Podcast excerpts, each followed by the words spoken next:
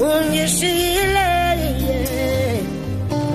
kumele ngamukele ngoba never ngikuphoqe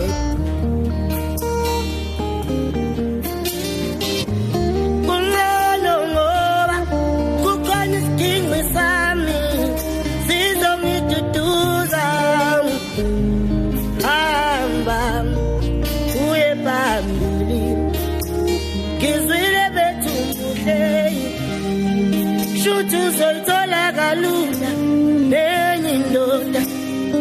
Kazi zokuthanda yini na? Nqobileye qobile wayungizwisa wangizwisa. Newcastle njengomanje imi ngeenyawo isukumile izwa ukhazozo. Uma sithi ke nqobile njobe egijima kamnandi ngezwe limtoti ethi khazozo. Kujabula bonke abantu abake bambona uma sithi ukhoze FM News volume endaweni esuke sigijima sihamba sizwe sencane kabi lena Mroza. Insizwa nje esencane no 22 kodwa mangabe ulalele lobu buciko bakhe eh, uyacula phinda idlalele futhi ukwazi ukuyidlalela nanesiginci sakhe. U- eh, umngadi kakhulu oyaziyo Ya, lensizwa ngitshela eh, ngitshela ukubona um- umngadi. Cabanga ukuthi amanye ama artist umngadi awalekelelayo uyabona njengoba wazi ukuthi umculi nomculi eh, unethimbe liba seduze kwakhe. Ya. eh eh, asibabonga abantu bafana no DJ Mngadi abakwazi ukubona nane talent kumuntu ofana nalona. Eh ngoba akabone emehlweni ukhazoza. Akabone emehlweni ucula kahle ngendlela eyisimangaliso uthi mase ngene stage ubone ku ibone ubone eh, yonke crowd yokhozi FM eh, i- naba kade be- behleli kuma VIP ubabone besondela bonke bezolalela ngendlela acula kamnandi ngakhona. Siyabonga kakhulu ku DJ Mngadi abantu aba- abavukuza amakhono abekade engaziwa no- kanjalo no Nosibofo Kol naye siyamazi kweze hip hop. Ingakho Yeah, sithi yeah. siba choma uphaphele gwalagwala kodwa ke khazozo eh bantu basemndeni wase Newcastle eh nizale iqhawe hayi indaba yokudlala. Bese sibabonga nje bonke ke Mroza kuyibona abenzela umsebenzi omuhle kangaka. Ukuthi ukhazoza akwazi ukukhipha lento esizwa manje. Bonke abantu abanezandla kulento esiyilalele njengamanje eh, abantu abathe befika kuyena ukuthi noma ngabe insizwa ukukhubazekile ngendlela ethile kodwa yini okwazi ukuyenza? Athi mina ngingakwazi ukucula mina ngikwazi ukudlala igitara mina ngiyiciko bese bemnikeza leyo ndawo yakhe angena athi shi yabona ke singena kamnandi mroza ngempela ku SABC Disability 360 njengoba ke sizongena kuona manje sifisa nje ukuza abalaleli bethu bafunde ini. Sibonele sihle isona lesi eh sikakhazoza ukuthi u- u- umuntu mnikeza ithuba. Sike sayisho lento nangesikhathi sikhuluma nogugu ukuthi uma u- u- ungaphandle ungangibheki ukuthi ngikhubazekile. Yeah. kodwa bheka ukuthi yini engikwazi ukuyenza ubusumnikeza ithuba. Ngoba ngingebona emehlweni. Kodwa umphefumulo wami ubona kude. Ingqondo. Nengqondo yami ibona kude. Ngihlale ngibatshela abantu ukuthi uNkulunkulu usipha amehlo amabili. Mangithi amehlo amabili angisho lawe sibuka ngawo. Ngisho ukuthi usinikeze em ama ama am- ama set amabili amehlo. Kukhona lawa engibuka ngawo mina. Abengathi uma engaboni kuthiwa waboni. Kodwa khona nge okungenzeki mroza ngaboni. Yilawa uNkulunkulu awabeke engqondweni. Uyoze uyifundiso zekhuluma eh, about the power of imagination. Okusho ukuthi usukukhuluma ngalawo mehlo ukuthi kunamehla namandla ngendlela ecakayo akwazi ukubona izinto zingabonwa umuntu ukuthi noma umuntu engaboni njengokhazoza nomuntu engaboni eh, njengobaba Steve Gekana umuntu engaboni njengobaba uBabs Mlangeni kodwa labo bantu banamehlo akwazi ukubona ongeke wona wawaphuphuthekisa. Awakwazi ukungaboni lawo asengqondweni asemphefumulweni. asemphefumulweni awuze nje.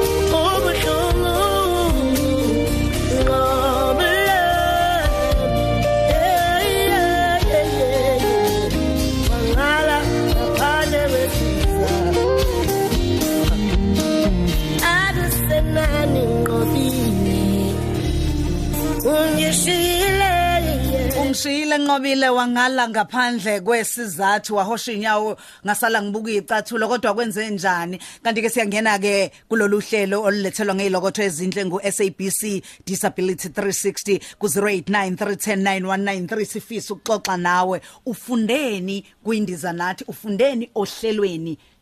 SABC Disability 360 yiziphi izinto obungazazi eh nawe wathi qwebu amehlo. Ingqondo yakho yathi qwebu yavuleka wathi hawu bengingakwazi ukuthi. Bengakunaki. Mm. Asimthathe koqala ukukhoza ukhozi? Um emashengeni wena wakithi. Siyaphila ngingubongani ngingwakamiya ngila inambithe zatheni wathi. Sitshele ecwanini ukuthi lokhu saliqala lo hlelo disability 360 ufundeni uya- uyazi we- wesibu khona ilanga engeke likhohle ngoba langisiza kakhulu mina. Ekufundeni ngabantu abaphila nokhubazeka khona ilanga enanivule ngalo isihloko lelokuthi yikuphi esikwenzayo thina abangakuthandi engikukhumbulayo nje nami ngangikwenza ngagcina ngalilanga lo oba wangena omunye ophila nokukhubazelo uhamba ngesihlalo wathi akathanda uvele uvele uqhamuke nje umphushe engasho noma engacelanga kungcono uthi usho yena ukuthi mphushe mangabe umfica emphusha Nga- nami bengini benginabafowethu abanye sebadlule emhlabeni bala kwakiba kwathini bengikwenza lokho ngoba bebejwayele ukungivakashela thola ukuthi ngiyabaphusha kodwa kusuka ngalelo langa ngafunda ukuthi okay ungcono kufanele bacele wena ungaveli usukele nje uthi uthinte isihlalo sakhe. Ngafunda kakhulu lokho shenge lokho kwangisiza kakhulu la kulokundiza nathi ngiyabonga. Na- nakho kunye ecwanini e- engifisa engifisa ukuphinde sikukhumbule futhi ukuthi eh kwa- kwagcina ke kuthiwa singathi baphila nokukhubazeka. Kuthiwa akekho umuntu ophila nakho. Kuthiwa nje bakhubazekile ngoba umuntu usuke ekhubazekile kuleyo ngxenye yomzimba wakhe asuke ekhubazeke kuyo. Hayi ngiyabonga shenge sengiyakhumbula ngiyabonga shenge ngani yakwethu? Asithathe omunye kukukhozi yebo sibunjani? Ngiyaphila mfowethu njani wena? Hayi siyaphila siyaphila nathi eh mina ngifunde kakhulu ukuthi nje a- a- a- a- abathanda ukudathukela yami ehe. Eh isitofu samalapha lesiphansi kusabele ubuka lile lilembe kahle shenge nation siyabonga kakhulu mfowethu siyabonga ngani yakwethu ukukhozi? Khozi siyakubingelela Minjani? ha siyaphila ntombi ubani lo Ngiyaphila nami. yebo sikhuluma nobani? Ngikhuluma noJabuletiwe Mhlongo wakamaphumulo. yebo njomani. Yebo mina engikufundile eh, kakhulu ukuthi bengade nginganaki ukuthi umuntu obukhubazekile emphakathini uwu- uwumuntu wethu sonke endaweni. Bengade ngitshela ukuthi nje uwumuntu walowo mndeni kuphela. Kodwa ngifundile ukuthi nje makunomuntu okhubazekile endaweni uwethu sonke sina simnakekele sonke endaweni. uqedile wena wena kanjomani? Siyabonga. Unaselangeni? Siyakubingelela ukukhozi president siyaphila mfowethu. Ngiyaphila nami cha ukhuluma nosandile ngokamgwena lapha engoje kwabhele. Cha nami bengihlala ngi- ngihlala ngidabuka uma ngibona umuntu okhubazekile kodwa ngenhlahla ke mina ngihlala naye igcekeni uma mama akaboni. Uma ngabe bengimthatha njengomuntu ukuthi ngiyamcabanga ukuthi akaboni bengafuni kodwa ngibuye ngithi eish yini inkinga?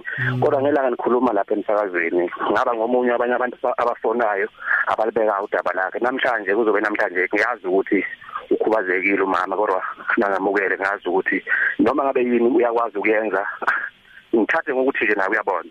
Ilokho ahlale ngitshela khona Uya- so uyal- ngifune- uyal- uyalalela yena lo uyasilalela lesi sigaba. Njengamanje ulalela bangikhuluma sengisho ukuthi ube umuntu obekwazi ukuthi abe nethuba lokusilalela lesigaba yebo yebo kakhulu. athini? Ukuphawula nje kwakhe ubeyayathini mayiphawula ngalo? Bruce Bumama umuntu obonayo mayikhuluma naye. Mm noma ukhuluma nje naye ini ini nani nani ayenzayo ukutshela ukuthi yena uyabona ngoba ayikho into angakwazi ukuyenza. Mm. kodwa kodwa ukuthi ngoba akaboni ke at all uyakuzwa so nje izinto eziningi uyazenza uzenza umuntu obona ingakho mhlasimbe mhlawumbe omunye umuntu mayimbona uyethi ey angikholwa ilento le yini yena uyasitshela ukuthi wamukela ukuthi akaboni so lokho ngeke umvimbi ukuthi enze izinto eziningi emhlabeni even ukuhamba nje uyakwazi ukuhamba yedwa uyawasha uyapheka uyaklina wenza konke iceke uma umfice eshanyele egcekeni ungathi wena ey lo muntu lento abayishoya angikhona kodwa injalo hey hey yenzwanini madoda siyabonga mfowethu siyabonga kakhulu baba awuze sisazoqhubeka nje siyafisa u- u- ukuthi ngempela usitshele ukuthi yini into oyifundile uma sithi nje kancane sibuye siqhubeke Em, ubani ke simtholayo ukhoze Mm, kunjani futhi? siyaphila mfowethu Ngiphilile yaphila sisimrosa. siphilile ngani yakwethu Ngiyaphila. Usisembungulo manje khona nombusana kazikhali ma. mhm Eh ukhuluma naye ke umuntu okhubazekile wesisina wanamrosa. Eh Mroza ake ngisho nje bafundisekile abanye abanye abakafundiseki abakafundiseki onje leyo nto sithi ngoba into echaza ukuthi ngisho lokho ngomunye ongosihlalo wekomiti lesikole. Kodwa ke ngike ngathola ucwasa nje isimanga zingakavali izikole siyokhetha iIC eh ngendlela bekwenziwa ngayo mfowethu eh omunye wezinyana obabesigadile lapha siyo siyo interview othisha bathi ngiphathisiwe la kuthiwa ngizobuza ukuthi kunomuntu la ophila nokukhubazeka lo muntu uzokwenziwa njani na? Bebe ngabuzanga umuntu ngizokwenzeka kodwa konke ngiyakwenza la endaweni yangakithi.